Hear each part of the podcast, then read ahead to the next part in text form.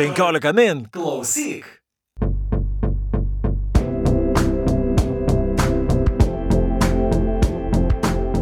Labadiena, 15 min skaitytojai ir klausytojai su jumis sveikinasi tinklalaidė perskaitimai ir kaip visuomet mes šios laidos vedėjai, aš Audrius Ožalas. Ir aš Juratė Čerškutė. Ir šiandien iš ties labai malonu, kad prie mūsų prisijungia puikiai vertėja Rūta Joninaitė, kuri į lietuvių kalbą išvertė Vėgė Ziebaldo knygą Austerlicas. Apie šią knygą be abejo mes ir pakalbėsime. Labadiena. Labadiena. Ir aš iš karto norėčiau iš tikrųjų mūsų pokalbį pradėti e, klausdama Rūtos, nes jūs 2012 metais gavot Lietuvų PEN centro premiją, tą metų vertėjo krėslą už Ziebaldo išeivių vertimą į lietuvių kalbą ir štai praėjo 10 metų ir antroji Ziebaldo knyga ir jau turbūt galima jūs vadinti Ziebaldo lietuviškąją vertėją. Kaip atradot šitą rašytoją, kaip jis pas jūs atėjo ir kaip sekėsi, gal kol kas paklausiu su šitom abiem knygom gyventi, mm -hmm. o paskui pereisim prie Australiso. Mm -hmm. uh... Iš tiesų, mano dėmesį į šitą autorių atkreipė toks kolega iš Prahos, su kuriuo mes drauge buvome e, Štralinė, Vokietijoje su, su stipendijomis, tiesiog vertėm savo knygas, jis tuo metu vertė Zėbaldą, vertė išeivius. Tai buvo tikrai senokai, jau prieš gal 15 metų. Ir kaip ir natūralu, susitikdami kažkur tarp, tarp darbo valandų laisvalaikio minutėlėmis visada šnekamės apie autorius, apie, apie savo darbą, tai yra apie autorius, kuriuos verčiame. Ir va, štai iš to Radovano Harvato, su kuriuo paskui visai mielai susibičialiavau, aš pirmas iki išgirdau Ziebaldo vardą. Ir be abejo, kadangi jis tikrai labai įdomių dalykų kalbėjo, susidomėjau ir paskaičiau pirmiausia išeivius, paskui ir kitas knygas. Uh, Ir, ir beje, jūs išėjus ir, kiek suprantu, ir pasiūlėte leidyklai Taip, pati. leidyklai aš pasiūliau išėjus pati. Taip. Na tai gal to, tokia ir būtų pirmoji ta pažintis. E, žinoma, aš ir pati labai truputėlį taip gal nedrasi buvau šito autoriaus atžvilgių.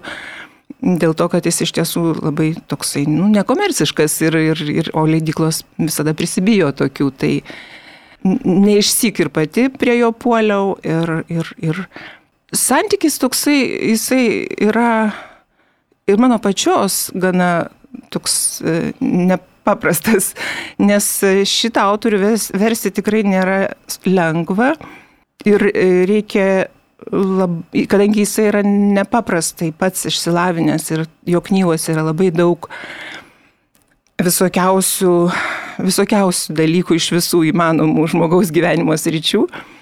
Tai iš tiesų labai to aš tikrai nei iš tolo nesu tokia išsilavinusi ir labai daug turi ką aiškintis.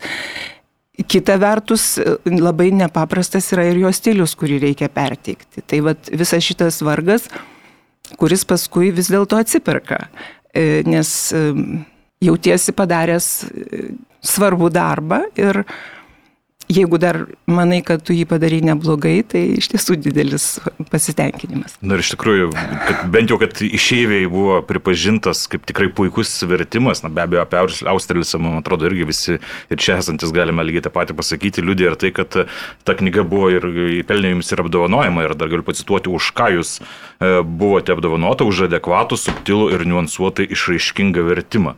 Tai iš tikrųjų buvo puikus vertimas.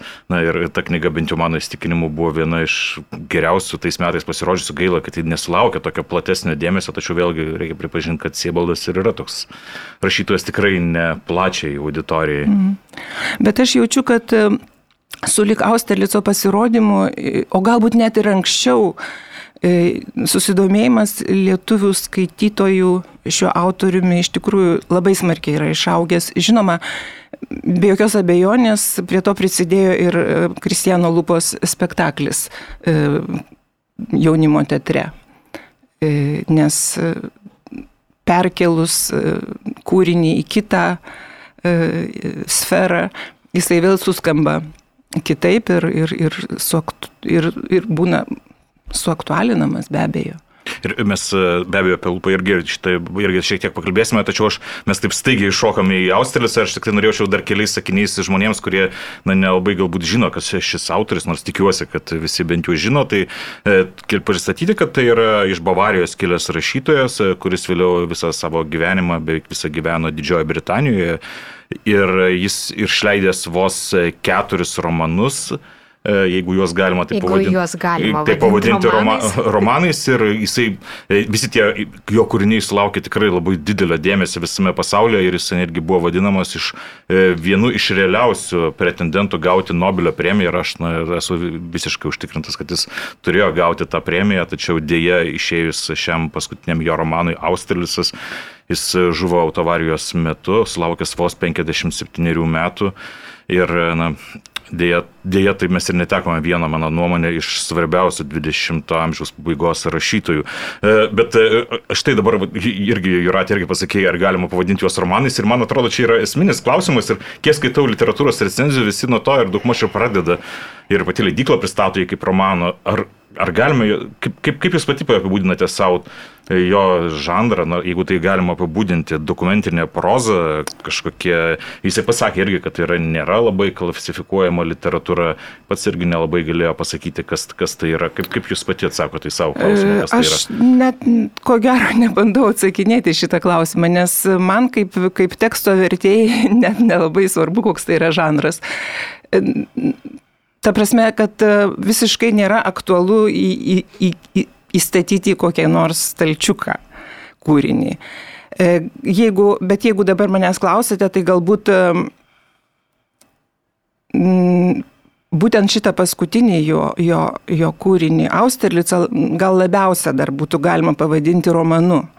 Nes tai vis dėlto yra vieno žmogaus likimas, papasakotas, žinoma, labai išmaniai, labai e, ir įterpiant daugybę visokių pasvarstymų, galbūt ir nesusijusių su taip jau tiesiogiai su, su to konkretaus žmogaus, su Austerlico likimu. E, o kiti anksčiau, tos keturios knygos, tos anksčiau buvusios trys knygos, didžiosios, tai ir išeiviai, ir Saturno žiedai, ir, ir svaiguliai, ta, ta, ta pirmoji knyga Švindelgė Fiulė, kurią aš verčiu kaip svaiguliai. Uh, tai jos iš tiesų yra, na tikrai ne romanai, o tiesiog tokia dokumentinė proza. Bet ką reiškia dokumentinė proza? Ten fiktyvus pasakojimas su dokumentiniais, dokumentiniu pasakojimu taip yra suaustas, kad tiesiog tos tie du sandai yra viens nuo kito neatskiriami. Ir manau, kad e, tai yra vienas iš, iš, iš, iš Ziebaldo išskirtinių bruožų, kad e, sunku netgi pasakyti, ar tai yra fikcija, ar tai yra dokumentika. Ir jis pats sąmoningai taip daro, kad tai būtų sunku atskirti. Labai daug ką supainiodamas, į, į, į, įkomponuodamas, įpindamas savo e, biografijos faktus į herojų gyvenimą arba į pasakotojo gyvenimą ir galų gale net tampa iš vis nebeaišku, kur, kurie pasvarstymai arba kurie išgyvenimai yra autoriaus, kurie pasakotojo, o kurie herojaus. Bet aš dar noriu sugrįžti prie uh, paties autoriaus, nes iš tikrųjų uh, Rūta man pasakė, ko aš nežinojau, kad jisai pats uh, nebuvo leidęs e, tų tikrųjų savo vardų sakyti Winfriedas Georgas ir yra sakoma Vėgė Ziebaldas. Ar žinot kažkokią istoriją, kodėl? Nes jeigu paguglinsim Ziebaldą, tai galima dar rasti, kad jis pats, pavyzdžiui, save vadino Maksu, kaip trumpiniu iš Maksimiliano, kuris neva buvo trečiasis jo vardas. Mm. Dėl to trečiojo vardo aš irgi nesu tikra, ar tai iš tiesų buvo jo trečiasis vardas įrašytas į dokumentus kur nors, ar, ar jis pats jį savo susikūrė.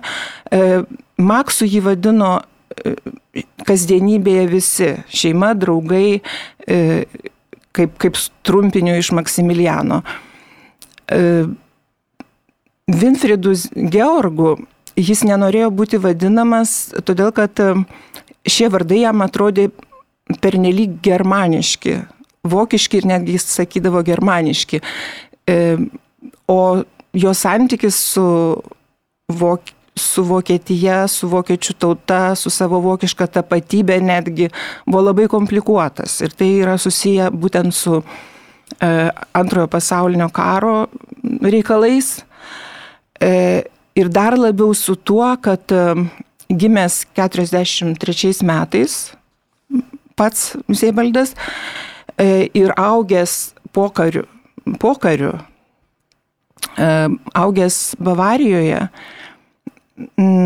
jisai tik tai, būdamas paaugliu, netgi sakyčiau vyresniuoju paaugliu, pirmas iki išgirdo, kalbant apie tai savo aplinkoje nei mokykloje, nei, nei šeimoje be abejo, nei, nei, nei visuomenėje. Ilgą laiką apie tai, apie visas e, antrojo pasaulinio karo baisybės ir, ir vokiečių vaidmenį antrajame pasaulinėme kare buvo tylima vis dėlto.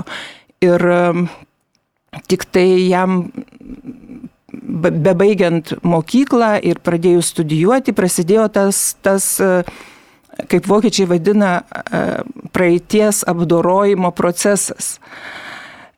Ir jis pats pasakoja savo tokius išgyvenimus, kaip jisai mokykloje vyresnėse klasėse jiems buvo parodytas e, filmas, jeigu neklystu, apie Bergel-Belzeno koncentracijos stovyklą, be jokių komentarų, tiesiog parodytas ir mąstykit, ką norite. Ir jis buvo taip šokiruotas, kad e, tai iš tiesų išliko visą likusį gyvenimą tas šokas, kurį jis tada patyrė. Ir beje, jisai pats pasakojo, kad tik nuvažiavęs į Didžiąją Britaniją, jisai staiga suprato, kad tas holokausto aukos na, yra realūs asmenys, nes jis sako, kad gyvendamas Vokietijoje jisai Tai buvo tarsi kažkoks abstraktus vaizdinys, nes na, tų žmonių kaip ir tų bendruomenių nebeliko, viskas buvo mm. išnaikinta ir jis staiga suprato, kad na, visgi ta, ta tragedija, ta istorija liečia konkrečius asmenys, o ne tiesiog mm. istorijos vadovėlius. Mm. Na, turbūt taip. Tai ir iš to konkretumo, aišku, atsirado ir uh, Austerlico istorija ir uh, Vėlgi aš galvodama apie Austerlicą kaip personažą, va čia irgi yra tas dalykas turbūt ir prie žanro, dokumentinė fikcija, ko gero istorinė fikcija, galėtume šiek tiek pagalvoti ir apie tą tokį neapibrėžiamą autofikcijos žanrą, kada yra autobiografija supinama su fiktyviais dalykais, tai arba biografija. Ir tai, kad Austerlicas iki mokyklinių, čia jau apie personažą kalbų romano, gyveno Davido Elijo vardu ir staiga jis sužino, kad iš tikrųjų yra Žakas Austerlicas, tai irgi šiek tiek e, kažkaip man taip iš karto keliamputė jungia galvojant ir apie paties Ziebaldo mėginimą išvengti tam tikrų a, vardų. A, e, bet a, e, man kas yra įdomu, galvojant apie šitą romaną, a, aišku, tas žanro klausimas, bet ir pati kompozicija, nes rėmas tas išorinis yra akivaizdžiai žiedinė kompozicija. Ir e, ką man atrodo daro Ziebaldas, kad e, jisai laiko tą, kada pasakotojas susitinka su Austerlicu Antverpeno centriniai traukinių stotį ir tarsi chronologiškai bando dėlioti jų tuos susitikimus, bet visame tame e, vyksta vidinė chronologija ir parodoma, kaip Austerlicas tarsi žingsniuoja atgal prie, prie savo šaknų. Ir turbūt, kas įdomiausia, aš dar noriu Rūtos klausti apie tą stilių, sakinį ir kas mane kažkaip glumino, nes buvau seniai neskaičius tokio teksto, kada yra kelių lygių perpasakojimai e, ir ta šnekamoji kalba ir čia maždaug romano viduryje nuolat pasikartoja, pasakojo Vera, sakė Austerlicas. Ir dabar aš įsivaizduoju, mes skaitom tikrai um, tą tekstą kaip tokį labai lengvai plaukiantį. Bet kokiu buvo e, nesklandumų e, arba sunkumų verčiant ir ypač, aišku, visi, kada kalba apie Austerlicą Ziebaldo, visi sako, kad tai yra garsiausias jo romanas ir kuriame yra turbūt jam priskiriamas tas ilgiausias sakinys. Lietuviškam vertime, aš skaičiavau per dešimt puslapių eina apie Terezino koncentracijos stovyklos, e, tas stovyklos aprašymas ir aš tada kažkaip pagalvojau, kad gal tik tai taip vienu įpū į vos netrodo vienu įkvėpimu per kablelius ir galima apie tą tragediją šnekėti, ko turbūt niekaip neįmanoma suvokti. Čia tiek visko daug prišnekėjau, bet apie stilių sakinį ir vertimą. Mm, na taip, e, Ziebaldo sakinys iš tiesų yra toks, e, tokia, mm, aš savo pati vadinu jį tokią dėlionę. Ir nes jisai yra, ne, nebūtinai visada ilgas, bet dažnai jisai yra toksai sudėliotas iš, lyg iš kažkokių gabaliukų. Ir pavadin, bet paskui, kai, kai vis, visa tai susidėlioja, jis yra labai sklandus. Ir jisai netgi toksai, na, tokį turi, tokį kažkokią kaip trauką tokią, kuri, kuri tokį, jis tave kaip įsiurbė lyg tarytum. Na, aš nežinau, toks, toks, toks, tokį efektą jisai turi. Hipnotinė būsena bent jau. Taip, taip. Ir, e, bet aš jį pavadinau pati savo dėlionę, todėl kad e, tai išplaukia būtent iš, iš to, ką man teko daryti, verčiant tokį sakinį. Tiesiog tu, taip ir yra, kad tu jį iš, iš, kaip kokią dėlionę iš, iš, iš, išskaidai į, tuos, į tas detalės, e, nes lietuviškai sakinys jis truputėlį kitaip turi būti sudėtas, tiesiog sintaksė yra kita. Ir tada, ir tada tu jį turi vėl iš naujo sudėlioti, kaip vaikas an, su, su, ta, su, tas detalės su, išbėręs į, į, į, į, ant grindų ir paskui sudėlioti į tą dėlionę. E, prisideda dar toksai mm, su, nu, sudėtingumas, sunkumas ar tiesiog laiko gaišimas kartais, nors tai yra negaišimas, o laiko įkvojimas, gal tam, kad tu išsiaiškintum tų komponentų, kiekvieno iš tų komponentų reikšmę, prasme, nes ten gali būti kokie nors moksliniai dalykai arba kokie nors ten, pavyzdžiui, drugelių, naktinių drugelių, ten kažkokie tai pavadinimai ir jie ten kažkaip tam tikrų būdų su, sugrupuoti yra ir tu turi juos visus išsiaiškinti, ką jie kiekvienas reiškia ir paskui sudėlioti ir sudėlioti ne bet kaip, bet taip, kad mm, ir lietuvių kalboje būtų ritmas. E, žodžiu, negali bet, kokio, bet kurio žodžio dėti bet kurioje vietoje, nes sakinys yra labai ritmingas ir tu turi tą ritmą ir lietuviškai vėl išgauti. Žodžiu, toks va, visą laiką toksai, nu, toks ne žaidimas, o tiesiog va, toks dėliojimas yra ta, tas tų sakinių vertimas. Um, Ar ką nors reikštų, aš paklausčiau, kiek laiko truko versti šitą? Aš šitą klausimą negaliu atsakyti, nes, nes, nes aš neverčiau šitos knygos taip susiklosti, kad aš jos neverčiau vienu prisėdimu. E, man šitas vertimas iš tiesų buvo labai sunkus, nes jisai dar buvo susijęs ir su tam tikrais sunkumais mano gyvenime. Ir taip išėjo, kad aš negalėjau jos versti ištisai, dėl to atsakyti šitą klausimą negaliu. Ir beje, man atrodo, skaičiau vieną interviu, kur jūs minėjote, kad versdama išeivius bendravote ir su vertėjais Sebaldo į kitas kalbas. Ir kaip buvo šios knygos atveju? E, yra tokia susikūrusi, čia yra toks visai įdomus dalykas, susikūrusi tokia Ziebaldo vertėjų tarptautinė grupė. Netgi taip. E, jo, mes iš pradžių, iš pradžių, ją subūrė vertėja į italų kalbą tokia labai mėla kolegė Ada Viljani. Ji yra išvertusi viską Ziebaldo ir, ir, ir yra baisi Ziebaldo fanė. Bet aš turiu pasakyti, kad ir visi kiti vertėjai, Ziebaldo vertėjai yra dideli Ziebaldo fanai. Turbūt nebūdamas fanu nesimtum šito darbo. Nu, ko gero, nes iš tiesų aš, aš jau esu kažkur ir minėjusi, kad po išeivių aš sakiau, ne, viskas Ziebaldo daugiau neversiu. E, nes tai kainavo tikrai labai daug pastangų ir dar dėl to, kad ta knyga, nors ji ir buvo apdovanota, bet neturėjo tokio atgarsio skaitytojų, iš skaitytojų pusės. Tai pasijutai liktai tokį nelengvą darbą, nu, daręs kažkaip, nu, ne visai veltui, bet beveik veltui. E, bet vat, po kurio laiko vis tiek galbūt ir tas bendravimas su kitais e, Ziebaldo vertėjais. Mes iš pradžių bendravome, mes turėjom tokį elektroninio pašto grupę ir tiesiog e, tuo metu, kai kas nors ką nors verčia, užklausia visai grupiai, ką nors ko nežino ir sulaukia atsakymų. iš įvairių kraštų. O paskui e, Vokietijoje esanti, esantis vertėjų centras Štralenė suorganizavo prieš keletą metų Zėbeldo vertėjų seminarą. Paprastai jie organizuoja tokius seminarus tik tai e, su gyvais autoriais. Vertėjams gyvų autorių ir kviečia autorių, bet čia padarė išimti ir, e, žodžiu, subūrė mus. Tada mes susipažinom jau, jau tiesiogiai.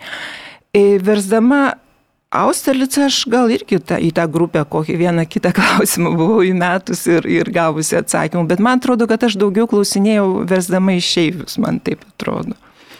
Ir bei jūs minėjote apie tuos e, klodus skirtingus, apie tas prasmes ir reikšmės e, tų visų dalykų, kurie yra kalbami knygoje. Ir na, mes jau ir prieš šią laidą šiek tiek pakalbėjome apie tai, kad Ziebaltas yra nepaprastas eruditas ir turbūt labai dažnai net sunku pagauti iš tikrųjų visas tas reikšmes, kurias jis nori perduoti. Ir aš vėlgi grįšiu prie praeitos jūsų išverstos knygos ir kur jūs kalbėjote apie tai, kad dažnai Ziebaldas yra kaltinamas tuo, kad jis na, visai neturi humoro jausmo. Ir, ir kad nėra žaidybinio elemento. Ir jūs tuo metu prieštaravote ir sakėte, kad žaismės reikia ieškoti visai kitur. Gal tai ne humoras, bet skaitydama randi žaidimą esminiais dalykais, jų dėlionė ir kartais labai netikėta dėlionė. Uh, Gal galėtumėt praplėtoti šią mintį iš tikrųjų, kokius, ką, ką, ką, ką atskleidžia būtent tas toksai įdomus Ziebaldo teksto skaitimas? Nu tai jis gal ir atskleidžia, tai jis iš tikrųjų tai... E,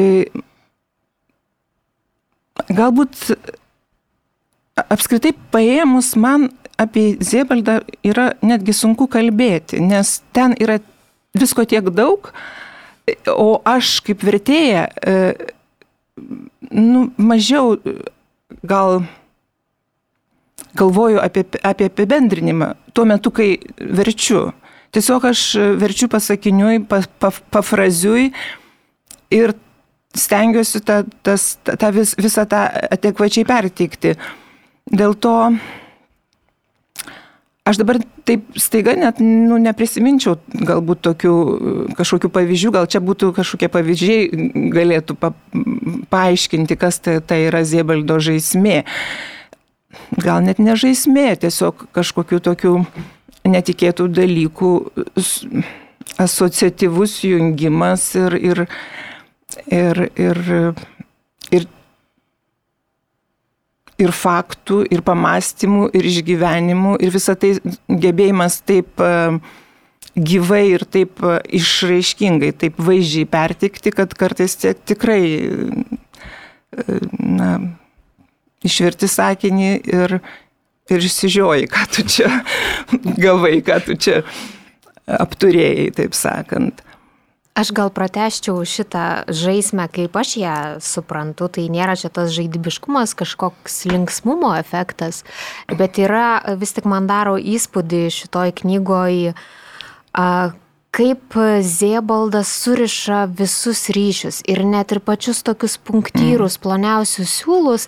E, ir yra tas labai keistas dalykas, kad šita knyga neturi praktiškai nei vieno lietuviško to įprasto paragrafavimo iš naujos eilutės. Jis eina kaip srautas, kaip kažkoks atminties, e, sąmonės e, srautas. Ir čia, vat, iš tikrųjų, Audrius tą hipnotiškumą paminėjo ir aš turbūt tikrai ilgam dabar prisiminsiu, kaip aš Ziebaldą kiekvieną rytą su kava skaičiau ir tiesiog tas tekstas tekstas velka, tu net, aš skaitau ir aš net nesuvokiu, kur aš turėčiau padėti, nes kartais būna labai aiškiai, da, gerai, dabar mm -hmm. perskaitysiu, turiu laiko, perskaitysiu skirelį ir, ir vėliau grįšiu. Tai čia šitas yra neįmanomas, bet gal didžiausią įspūdį padarė, kaip jisai sužaidžia su tuo, kad Austerlicas yra architektūros e, istorikas architektūros istorikas ir kokią architektūrą šito kūrinio pastato Ziebaldas. Ir iš tikrųjų, kai perskaitai ir taip grįžti prie to teksto, tu suvoki, kad iš tikrųjų knygoje nėra nei vieno neapgalvoto epizodo, nors kartais skaitant atrodo, kad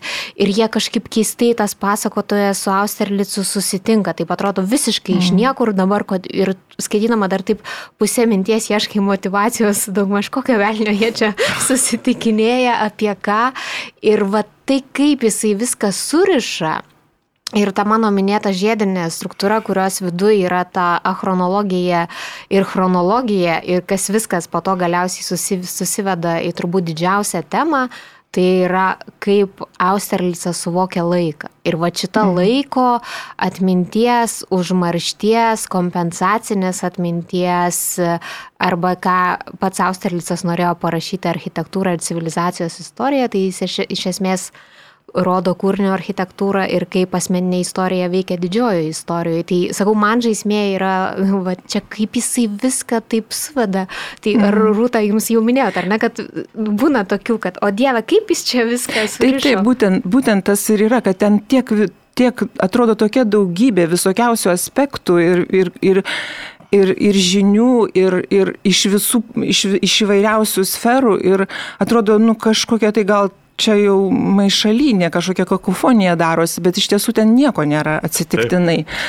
Aš atsimenu, mes kai pristatinėjome e, e, radijuje išeivius, manęs žurnalistė paklausė e, apie ten vieno herojaus, jisai buvo kilęs iš lietuviško kaimo prie Gardino, taip ir parašyta buvo. Iš lietuviško kaimo. Lietuvių kalba ir šito knygo minima. Taip, tai uh, mane žurnalistė paklausė, ar, ar, ar čia, kokią čia reikšmę turi tas lietuviškas kaimas. Ir aš kažkaip uh, turbūt tikrai ne, ne visai teisingai pasakiau, kad uh, tikriausiai atsitiktinai. Ir gavau paskui e, vieno Vokietijoje gyvenančio labai atidaus Ziebaldo, e, bet lietuvio, Vokietijoje gyvenančio lietuvio Ziebaldo gerbėjo e, pastabą elektroniniu paštu, kad Ziebaldo kūryboje nieko nėra atsitiktinai. tai bet aš tikrai buvau labai sudrausminta ir, ir dabar tikrai galiu patvirtinti, kad iš tiesų nieko nėra atsitiktinai. E,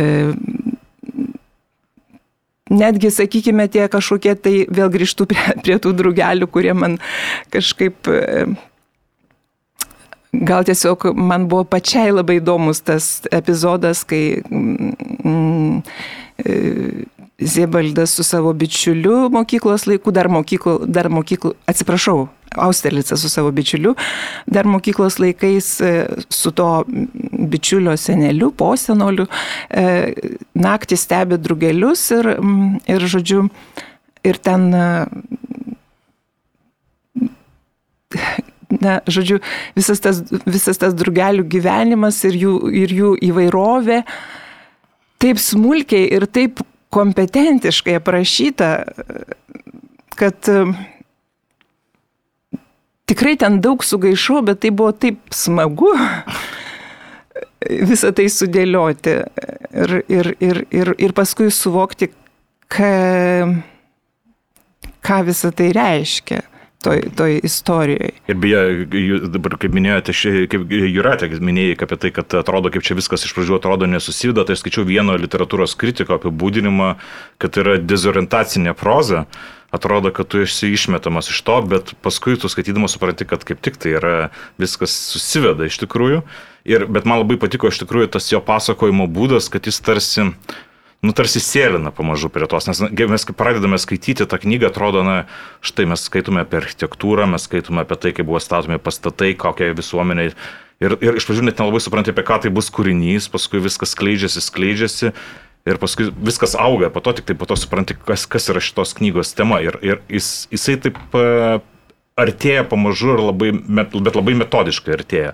Ir paskui, kai antrą knygą kartą jau skaitai tą knygą ir supranti, kad visos tos paliktos nuorodos, paliktos įvairios užuominos, kurios e, tarsi įveda skaitytoją, jis nėra taip, kad visiškai neparuošimas, viskas yra paruošima, bet man ir, ir paskui mes galbūt dar galėsime pakalbėti apie tai, kaip jis rašė tas tas, tas knygas, nes aš, aš kartais bandau net įsivaizduoti, kaip, kaip, kaip, kaip galima apskritai knygų, tokias knygas parašyti, nes e, aš pats simenu, buvau netgi pasirašęs, pasirašęs vieną citatą, kad Džov Dairis rašė, kad e, jisai rašo šitas knygas kaip vaiduoklis tarsi, tarsi pats, pats, pats Zebaldas būtų kaip vaiduoklis.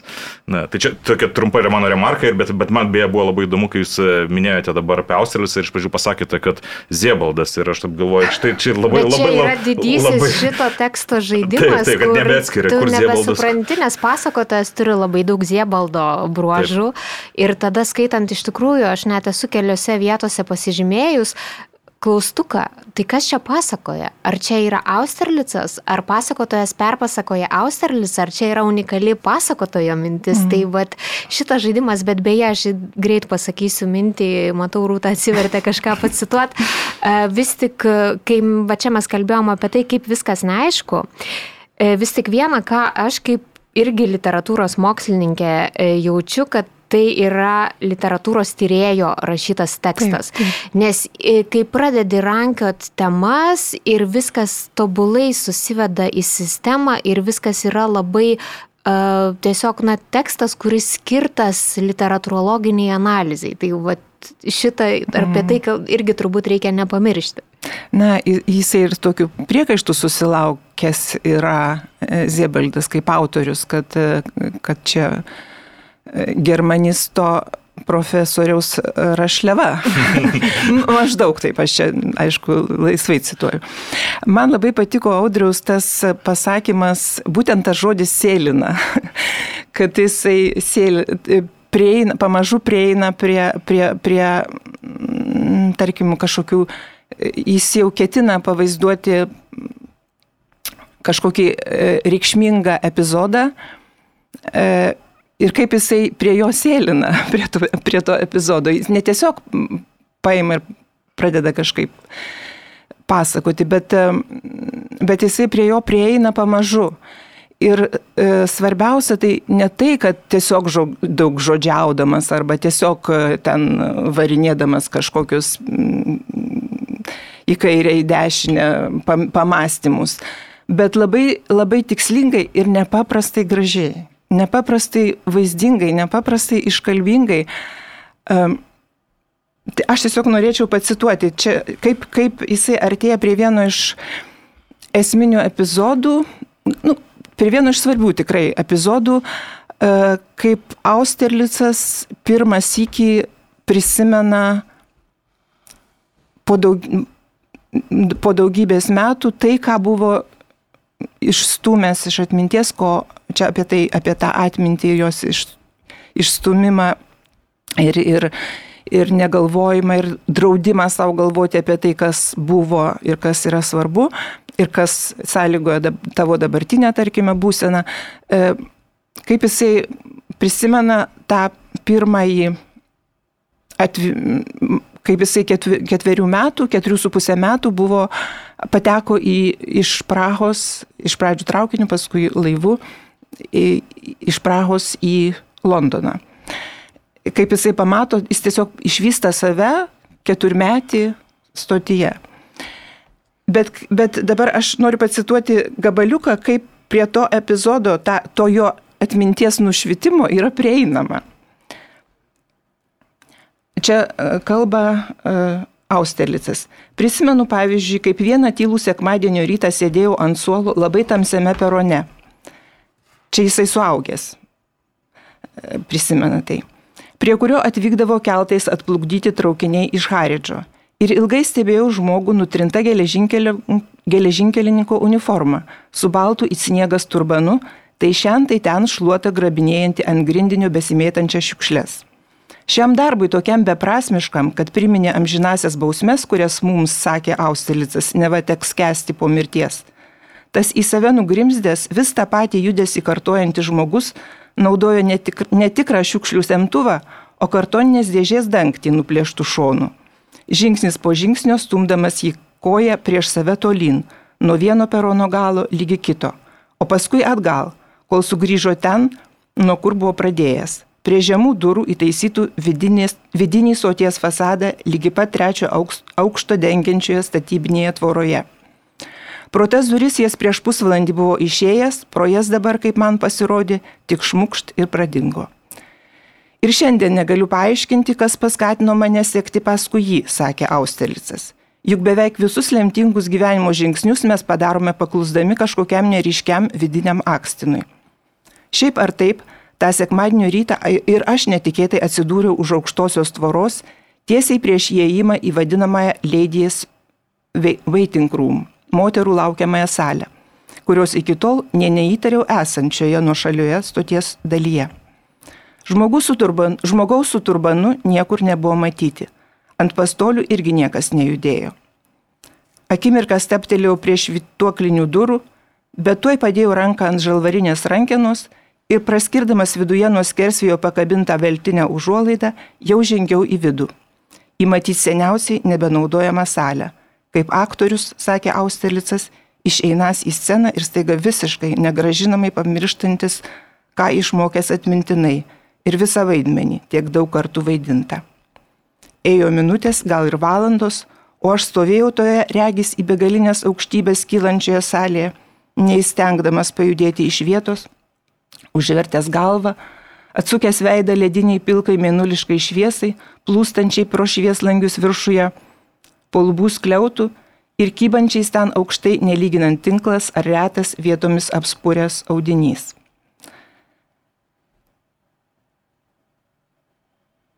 Na, va toks va toks įėjimas į salę, kurioje, e, kurioje Austilica ištinka atminties nušvitimas. Ir jis prisimena prieš daugybę, daugybę metų, e, save prieš daugybę, daugybę metų, pirmą kartą atsidūrusi e, Liverpoolio stoties geležinkelio stotyje, Liverpoolio gatvės stotyje.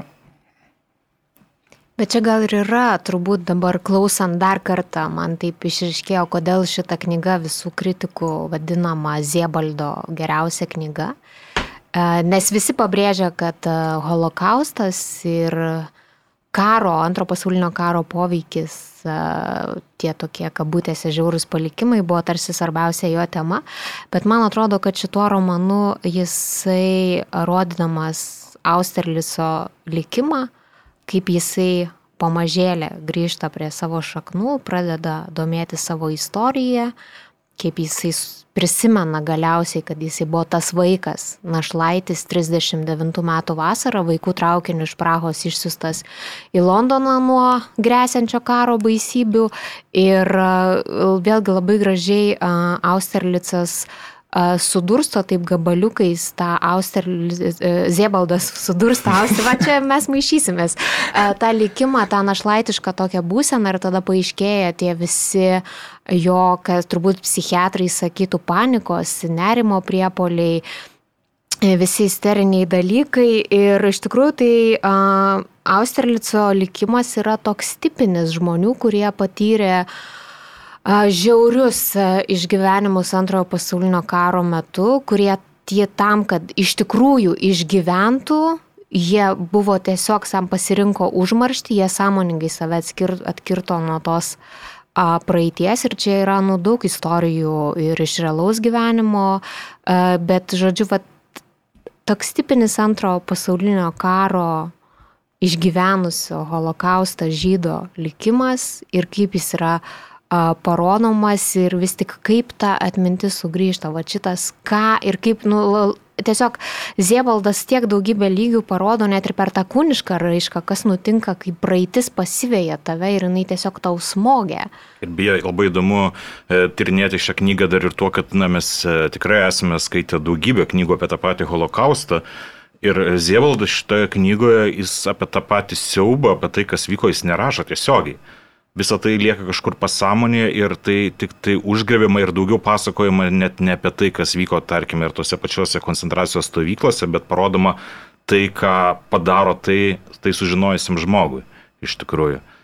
Nes jis, jis, jis tas siaubas nėra tiesmukiškas, mm. jis yra toksai, na, per, per, per kilintą lygmenį, jis atsiskleidžia pačiam skaitančiam. Na taip, jisai ir uh, pats svarstė kaip apskritai galima kalbėti apie tokius dalykus, apie tokius baisumus kaip holokaustas.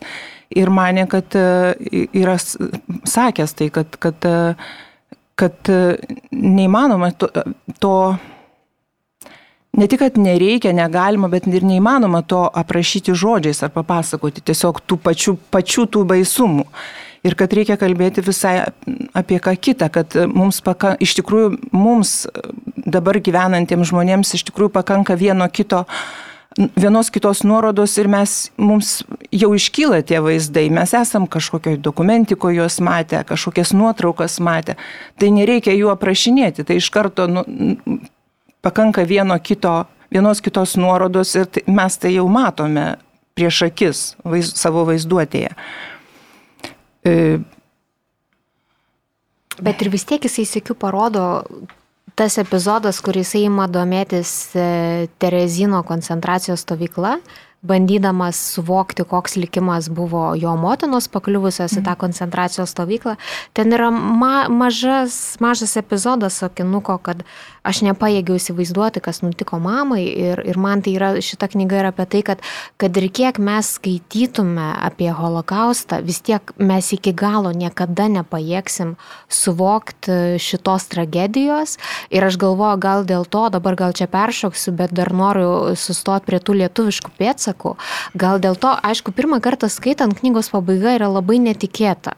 Ir taip aš galvoju, kodėl dabar yra ištrauktas tasai tyrėjas Jacobsonas ir minima ta jo parašyta studija ir kodėl čia tas lietuviškas pėtsakas, bet iš tikrųjų, man atrodo, va čia ir yra ta tokia žinutė, kad reikia nepaliauti tuo domėtis ir nepaisant to, kad galbūt mes nepajėgsim vis tiek iki galo suvokti holokausto. Čia yra visiškai mano interpretacija. Gal gali būti, kad, gali būt, kad taip ir yra. Beje, Jacobsonas, e, Jacobsono knyga Hešelio karalystė tai ne, ne studija, tai yra, ar tu kalbėjai apie Adlerio studiją? Uh, iš tikrųjų, du supiniau į vieną, bet čia...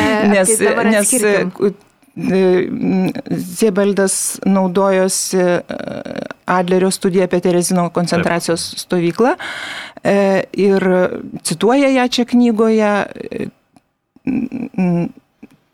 pasakodamas kad ją skaitė jau ne Ziebaldas, o Austerlicas.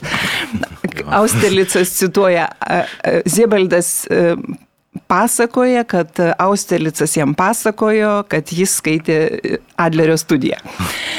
E, bet knygos pabaigoje, kur atsiranda tas lietuviškas e, interpas, toksai motyvas, tai yra pasakotojas ant Brendonko tvirtovės e, apsaugų gynybinio griovio kranto sėdėdamas skaito Austerlico jam padovanotą knygą e, Jacobsono, Dano Jacobsono Hešelio karalystė. Ir tai yra romanas. Jis beje išversas į lietuvių kalbą, atviros Lietuvos fondas jį yra išleidęs kažkadaise. Ir Tai, na taip, turbūt, kad e, aš sutikčiau su tavo įratė interpretacija, kad tai toks kaip ir raginimas nepaliauti domėtis šito, šito, e, šitais dalykais. Nors e, vienas kažkuris kritikas esu skaičiusi apie, kalbėdamas apie Ziebaldą, rašė, kad šis autorius Um, mm, nu, dabar pamečiau mintį, kad, kad jis nesistengia parodyti mums, kaip, kaip reikia suprasti holokaustą arba nesistengia suprasti holokaustą ir pertikti, kaip suprasti holokaustą. Bet uh, bando pasakyti, kad uh, parodyti, kad holokausto suprasti neįmanoma. Taip. Mhm, taip, taip. Ir beje, e, dar man irgi patiko dar viena e, psichoanalitiko Adamo Philipso mintis apie Ziebaldą, kad na, visgi istorijos supratimo būdas yra visgi yra viena iš pagrindinių temų visgi visos jo knygose ir jisai netgi taip provokuojančiai pasakė, kad Ziebaldas yra e, daugiau negu kad yra greičiau ne naujos, nauj, naujos rušies e, novelistas, ne naujos rušies rašytojas, o naujos, naujos rušies naujo būdo istorikas. Ir, ir čia, čia vėlgi mes vėlgi einame į tai, kas Australicas Ziebaldas, Ziebaldas, istorikas, rašytojas ir, ir tie visi, visa, visa ta žaismė. Mm. Tai čia... Na, bet čia gal daugiau kalbant apie šią knygą, o kitos knygos yra, e, na, na taip, Saturno žiedai irgi ir istorija. Bet tarkime, tas švindelgefiulė, tie svaiguliai, jinai tokia irgi iš keturių pasakojimų, kaip ir, kaip ir išeiviai sudaryta, kurie tarytum tarpusavį, e, na, naratyvo požiūrį tarsi, tarsi nesusiję, bet jie susiję nu, tematikų, ko, pro, m, iškeliamų problemų, svarstymų kažkokiam lygmenį. Ir beje, vienas dalykas dar, apie kurį, man atrodo, mums būtina pakalbėti, nes na, tai yra labai svarbus e, aspektas jo knygose, tai yra nuotraukos. Be abejo, na, nes na, tiek išėjus atsivertę skaitytojai, tiek, tiek šią knygą atsivertę skaitytojai, jie na, pamatys, kad tai yra nuotraukos, kurios, mano nuomonė, suteikia dar visai kitą lygmenį šitam pasakojimui. Pats Ziebaldas įvairiai ten jis kalbėjęs yra apie tas nuotraukas ir, ir ten galima tikrai susirasti internete, nesunku ten jo paties nuomonių ir kad viena iš tų, kad jo, jo, knygos yra daug, jo knygos yra daugybė nutilėjimų, daugybė tylos minučių ir tos nuotraukos pateikė dar, dar tose tylos minutėse pateikė dar vienus į, naujus įėjimo į tekstą būdus. Mhm. Tai, bet, bet, bet kokiu atveju, tai tos, tos nuotraukos tikite, kad na, formuoja dar kitą lygmenį šito Taip, teksto skaitimo. Tai yra tokia išskirtinė Ziebaldo pasakojimo e, tokia na, ypatybė, kurią vėliau beje ėmė naudoti ir kiti autoriai, bet e, Ziebaldas galbūt, nu, jis vis tiek Čia bu, toks buvo jo pasakojimo būdas. E, e, dabar aš net nepasakyčiau, ar čia jo paties ar kokio kritiko yra svarstymas, kad jos tarsi, tos nuotraukos yra tarsi užtvankos, kurios e, už, užtvenkia, pristabdo pasakojimo tiekmę ir leidžia atsikvėpti. Galbūt ir taip. Pačiame šitame Austerlico romane yra toksai epizodas, kai pasakotojas pirmas iki aplanko Austerlicą jo namuose Londone, Oldernio gatvėje. Ir mm, Austerlicas įsivedęs į jį kambarį, e, parodo ant stal, stalą, apskritai kambaryje yra labai mažai baldų ir vienas iš tų baldų yra stalas, didžiulis stalas, ant kurio išdėliotos nuotraukos. Ir Austerlicas pasakoja jį aplankiusiam, nežinau kam. Pasakotojui. Pasakotojui. kad e, jisai mėgsta išsidėlioti tas nuotraukas, jis pats fotografuoja, per gyvenimą pridaręs daugybę nuotraukų yra. Ir reikia manyti, kad tai jo nuotraukos, jis išsidėlioja tas nuotraukas e, ir paskui išsidėlioja jas apverstas antrąją pusę Ir paskui po vieną atvertinėja, tarsi žaisdamas pasijans, tarsi dėliodamas pasijansą ir, ir paskui jas ir, ir tarytum nu, at, kiekvienas įk nustemba, ką pamatė atvertęs tą nuotrauką. Ir paskui jas kažkaip grupuoja, kai kurias išmeta iš žaidimo, kai kurias palieka, grupuoja pagal, pagal temas, pagal asociacijas, pagal įvairiausius dalykus. Ir kartais po truputį jas išmetinėja, kol ant, ant, belieka tik tai tuščias stalas.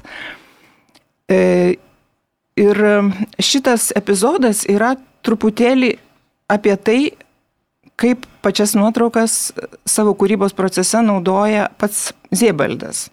Nes jis yra pasakojęs, kad, kad jisai kartais būtent nuotrauka jam yra čia tai jau tikrai šimtų procentų yra taip, jam nuotrauka nėra iliustracija to, ką jisai čia šiuo metu, nėra iliustracija to, ką jis, kur jisai, į, to, tos teksto vietos, į kurią jisai įterpė nuotrauką.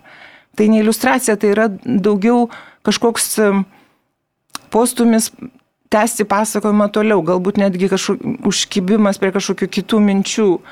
E, tai yra tiesiog va, to, to pasakojimo srauto toksai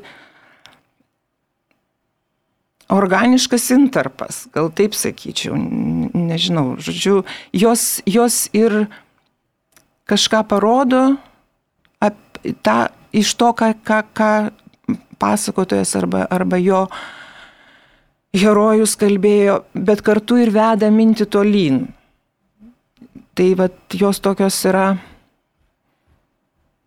Dar kitas dalykas yra, aš nežinau, ar lietuviškose leidiniuose tai visiškai taip gerai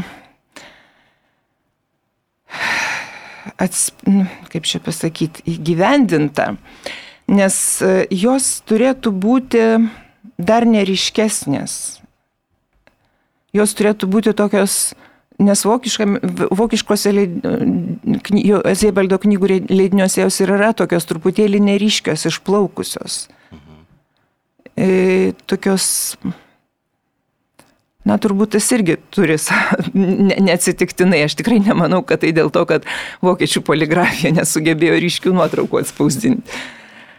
Tai va. Aš beje šiandien prieš važiuodama į mūsų pokalbį, čia kaip pačioje pradžioje Audris minėjo, iš tikrųjų bent jau e, žiūrint savo Facebook'o burbulą, tai man tikrai šiuo metu atrodo, kad visi skaito Ziebaldo Austerlicą. Ir jau ten buvo pasipiktinimų, kodėl toks didžiulis šriftas, tai aš iš karto atsakau už leidyklą, kad yra dėl nuotraukų, būtent, kad nuotraukos būtų konkrečiai šitoje vietoje ir niekur kitur. Ir labai iš tikrųjų pritariu, ką Rūta sakė, kalbėdama, cituodama kritiką, ar ne, kad tai yra užtvanka ir iš tikrųjų gal kai knygoje nėra paragrafų ir skyrių, tai ta nuotrauka taip ir jinai mm. veda toliau, bet jinai sėkiu leidžia tau tą tokį Atsikvėpti. įkvėpimą mm. padaryti ir, ir sužiūrėti visus dalykus. E, dar aš noriu grįžti prie vieno įdomaus dalyko, kai Audrius kalbėjo apie tą istoriją. Tai vėlgi čia man labai susiveda uh, su ta laiko samprata, nes vis tik kas dar yra įdomu galvojant apie Austerlicą ir kaip yra kuriamas šitas, vadinkim, personažų, jo laiko samprata. Ir kad jisai, e, ten yra fantastiškas epizodas, kur pasakotojas su Austerlicu atsiduria Grindvičio mhm. žvaigždžių kambaryje ir Beje, kur... Tik netyčia atsiveršiu. Čia, man atrodo, visi mes dabar esame taip šitą.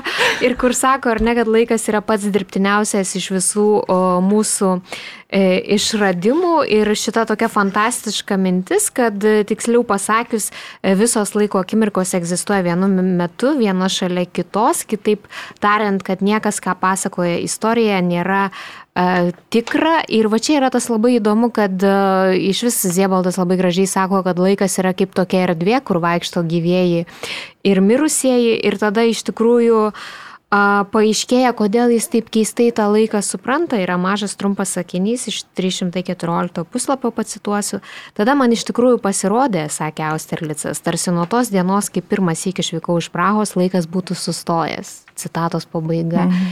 Ir čia irgi turbūt tas skaudus vėlgi laiko supratimas išgyvenus holokaustą ir vėlgi tas istorijos tikrumo matmo, kiek tai yra tikra, ką mes skaitom, tie liudijimai, čia man atrodo, į vėl Austerlic, šitą Austerlicas Siebaldas spina šitą fantastišką tokią pinę. Mhm. Istorija, laikas, atmintis.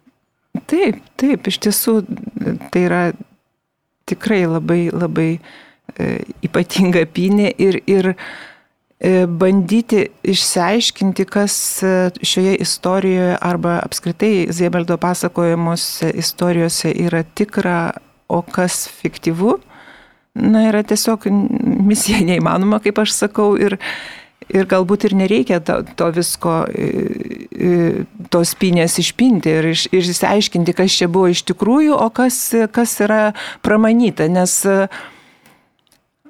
na, tai yra tiesiog va toks, va, Ziebaldo supintas to, kūrinys ir, ir, ir, ir, ir tai yra šito kūrinio teisybė. O ar, ar, ar, ar, ar tai reali teisybė ar pramanas, e, manau, kad net darosi nebe, nebeaktualu, nebe taip svarbu. Ir beje, Sebaldas ir pats sakė, kad jis ir nori savo kūriniuose sukurti tokį pasakojimo būdą, kuriame nebūtų ribų tarp tikrumo ir netikrumo. Taip, taip jis ir labai sąmoningai tą daro. Ir apie Austerlicą irgi sakė, kad irgi, kai visą laiką žurnalistai bando įsiaiškinti, kaip čia, kiek čia yra paremta tikrais, tai jis pats sakė, kad pas Austerlicas paremtas dviem arba trim tikrais egzistavusiais žmonėm. Taip. Na, bet uh, kas tie žmonės, kokie jų ten epizodai, iš kur kas. Na, yra, yra ir kai kas yra aišku, bet čia jau būtų per toli, per toli keliauti, aiškintis e, Austerlico paveikslą. Į, į Austerlico paveikslą su, suplaukusių realių e, žmonių, ten, tarkim, tapatybės. Aiškinimai įsižudo literatūrą. ne, Taip, man atrodo, kad čia tikrai reikia likti prie to kūrinio tiesos ir, ir, ir, ir ji, ji pati savaime yra labai stipri, kad kad e, reikėtų dar kažką ten taip smarkiai. Ir beje, man dar, Narstyti. man dar beje labai įdomu e, pakalbėti, jeigu tai galima, aišku, plėtoti, nes čia galbūt šiaip tiesiog pastaba pati kūrinio nuotaika, nes visi Ziebaldo kūriniai persmelkti tokia labai melancholiška, labai tokia meditatyvia būsena, bet iš tikrųjų melancholiškas turbūt žodis labiausiai galbūt tiktų. Ir, na, skaitydamas ir matai, jau tas, tas, tas, tas, tas prieš akis, prieš akis tas ir plaukia, toks juodai baltas paveikslas, kuris E, kažkoks vakarėjantis e, miškas, e, pievos, dar kažkas, kažkas tokio labai neapibriešto, taip iš tikrųjų tos nuotraukos ir kaip jūs paminėjote, kad jos dar turėtų būti dar labiau užblūrintos, man atrodo, iš tikrųjų. Dar tai, neriškesnės. Dar, dar, dar labiau ir tiktų. Ir kitas dar aš irgi pastebėjau vieną tokią recenziją, kur rašė, kad apie McDonald's epizodą, turbūt irgi atsimenate, ir kur kažkas parašė, kad, na, Zebal, tik Zebaldas gali tai padaryti, kad jisai tiesiog aprašo epizodą, kaip jie, susitė, kaip jie nueina ten laukti traukinio, man atrodo, į McDonald's ir staga McDonald's tokia vieta, staga tampa melancholiškiausia vieta pasaulyje. Ir, ir, mhm. ir supranti, kad, na, tik, tik Zebaldas gali tokią vietą prašyti štai būtent taip. Mhm. taip, taip taip, taip, taip melancholiškai. Na, ko gero, jo paties kaip žmogaus laikysena pasaulyje tokia buvo ir jau sena pasaulyje tokia buvo. E, ta, ta, ta, tas toks liudesys, e, netgi depresyvumas. E, ir, ir tai be abejo, tai atsispindi kūriniuose. Lygiai kaip ir atsispindi turbūt tas e, iš, jo, iš vieno kūrinio į kitą einantis tas klajojimo ir bastūno tai likimas, nes irgi dabar atsiverčiu vieną citatą trumpą. Kiek įstengiu prisiminti, sakė Austrilicas, aš visada jaučiausi taip, tarsi neturėčiau tikrovėje vietos, tarsi manęs iš viso nebūtų. Ir e, daž, dažnai jo kūriniuose personažai taip ir jaučiasi, kad jie keliauja po pasaulį mm. ir jie, jie tarsi, tarsi bando atrasti save, bet iš tikrųjų, na, tas atradimas savęs kaip ir jiems nelabai ką duoda, nes ir tas pasaustelis, jo tas šaknų atradimas, na, Bet čia net Tiesiog... nėra atradimas savęs, taip kaip dabar įprasta kažkaip taip. populiariai sakyti, nes vis tik čia labai subtiliai Austerlicas sako, kad aš nesijaučiu savimi ir tas tapatumas savo pačiam, kada tu pats kažkaip laimingas jaustumėsi savo savyje ir tas, aišku, nu, našlaitiškas likimas, kad jisai buvo išsiųstas vaikas ketverių su pusė, bet va tas tapatumo man pačiam jausti savimi. Ir jisai iš esmės atranda tą epizodą, kai jį ištinka Paryžiui kur aš čia buvau pasirašius tą tokią, e, sakytume, kažkokią tai isteriją, ar kur jisai varto Mariją atneštą 1775 metų tą knygą apie visokius augalus ir kurisai skaitydamas ją, čia irgi labai čia yra šitą Ziebaldo toks supinimas, kurisai skaito apie tuos visokius augalus ir staiga sako, pagaliau aš pradėjau jausti savimi, nu tarsi skaitydamas apie gydomasias kažkokias žolytės, tu staiga pats mhm. kažkaip keistai gytum jaunystėje jisai jautėsi savimi tą naktį, kai stebėjo naktinius drugius ir irgi pasinėrė į tą jų skrydį ir ten lėkimą į šviesą ir, ir, ir, ir, klau, ir, ir į mm, senelio pasakojimus apie tuos vabzdžius, apie tuos, tuos drugius. Tai taip, taip, iš tiesų, ta, tas tapatybės ieškojimas. Kita vertus, tarkime, dabar man, kai jūs kalbėjote apie šitą kelio, kelionės, tas yra tapatybės paieškas, man iškilo iš karto prieš akis e, išeiviai. Taip. E, nes e, beje buvo sunku išversti pavadinimą, nes tas ta knyga vokiškai vadinasi Die Ausgewanderten ir visiškai pažodžiui tai būtų išėjusieji.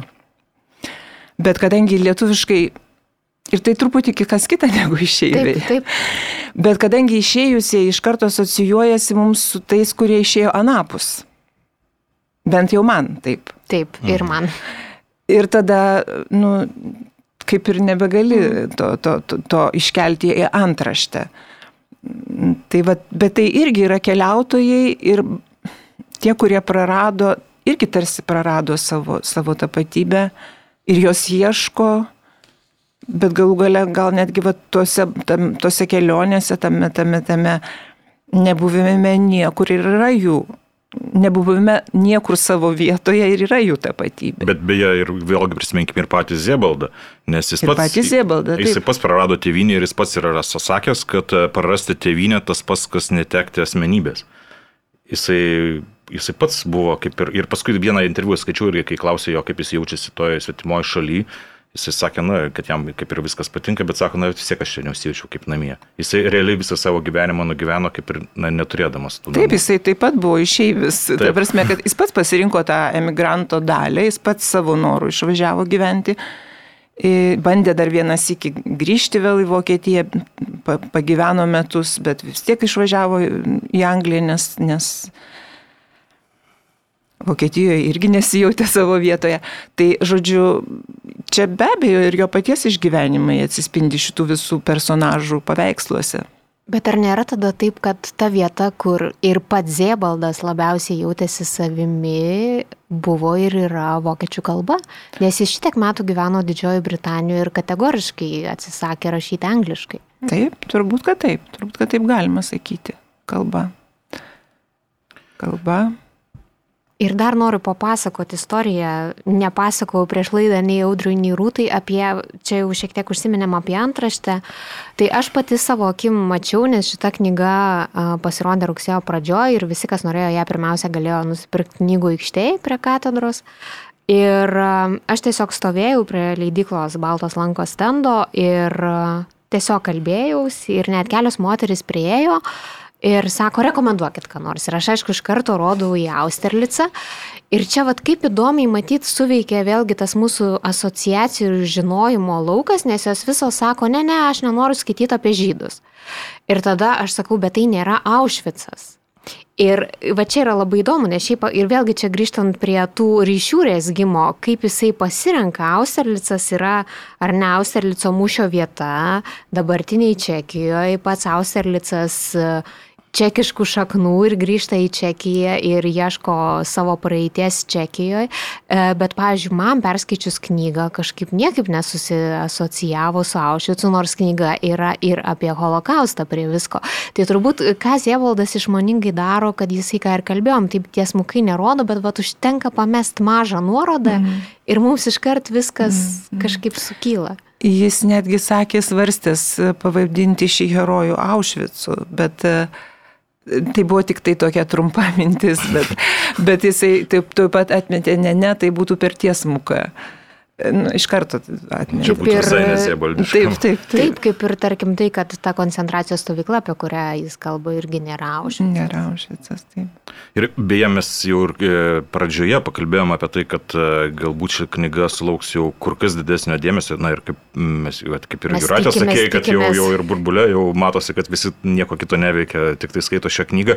Ir, e, ir vertė irgi jūs sakėte, kad galbūt prisidės dar prie to, kad ir Lupa jaunimo teatre pastatė spektaklį pagal e, šitą knygą. Ir man būtų įdomu klausti, ar jūs matėte be abejo Taip. šitą spektaklį ir, e, ir kaip, ko- kokie jūsų įspūdžiai, aišku, čia ne apie knygą, čia aišku, galbūt jau ir, ir peržengsim šiek tiek į, į kitas rytį, nes e, pas režisierius, paklaustas apie Austerlico kūrimą, jisai sakė, kad labai ilgai dvėjojo, ar įmanoma perkelti šį kūrinį į teatro sceną ir sakė, ar teatras pajėgus parodyti tokius vidinius procesus. Ir štai dabar, kaip jums atrodo? E, Aš gal nelabai norėčiau sakyti, kaip, kaip man tas spektaklis e, atrodo, nes aš tai visiškai esu šitoj srity mėgėja ir dabar čia savo tą mėgėjišką nuomonę skleisti ne- ne- nelabai esu linkusi, E, bet jeigu e, režisierius Lupa abejojo, ar įmanoma tokius vidinius procesus parodyti e, scenoje, teatro kalba, tai manau, kad e, jis be reikalo abejojo, nes šitas tai jam tikrai pavyko. E, Ta prasme, e, aišku, kad tai yra kitas kūrinys ir, ir, ir jis turi būti kitas kūrinys. Ir žinoma, kad jis ne, ne, ne, ne, neperteikė visko, kas yra knygoje ir tokios ir užduoties be abejo net pats savo nekėlė. Bet e, tai, kaip jis ją perskaitė, tai, kaip jis ją pamatė, taip jisai ir parodė ir, ir, ir, ir tai yra labai įdomu, bet kokiu atveju. Na ir turbūt jau į pabaigą mūsų eina šitas pokalbis apie Austerlicą, apie knygą, kuri, na, bent jau mano įstikinimu, tikrai patenka tarp pačių įspūdingiausių pasirodžiusių šiais metais. Ir turbūt, na, link pabaigos jau einant, jau turbūt reikėtų užduoti tą klausimą, kuris uh, tiems, kas jau perskaitė išėjus, tai tikiuosi, kad žmonės perskaitė Austerlicą susiras kažkokiu būdu ir išėjus, ne, turbūt nelabai daug įvairios ir likę kažkur, kur galima įsigyti, bet visgi pamėginkite. Bibliotekose. Ir, bibliotekose, taip. Taip, nepamirškime, yra bibliotekos. Nepamirškime. Ir man kitas klausimas. Saturno žiedai. Turbūt kūrinys, kuris dabar, jeigu galvotumėte versiją, turbūt grįžčiausia akis kryptų jį, nes, na, dažnai sakoma, kad Austerlicas yra jo svarbiausias kūrinys, esu tikrai skaitęs ir kad, kad tų, ir... kurie Saturno žiedai taip, sako, kad yra taip, svarbiausias jo kūrinys, na, ginčiamasi dėl to. Mhm. Ar imtumėtės versti ir, to, ir tą kūrinį? Dabar jau imčiausi, nes, nes tai įdomu tikrai.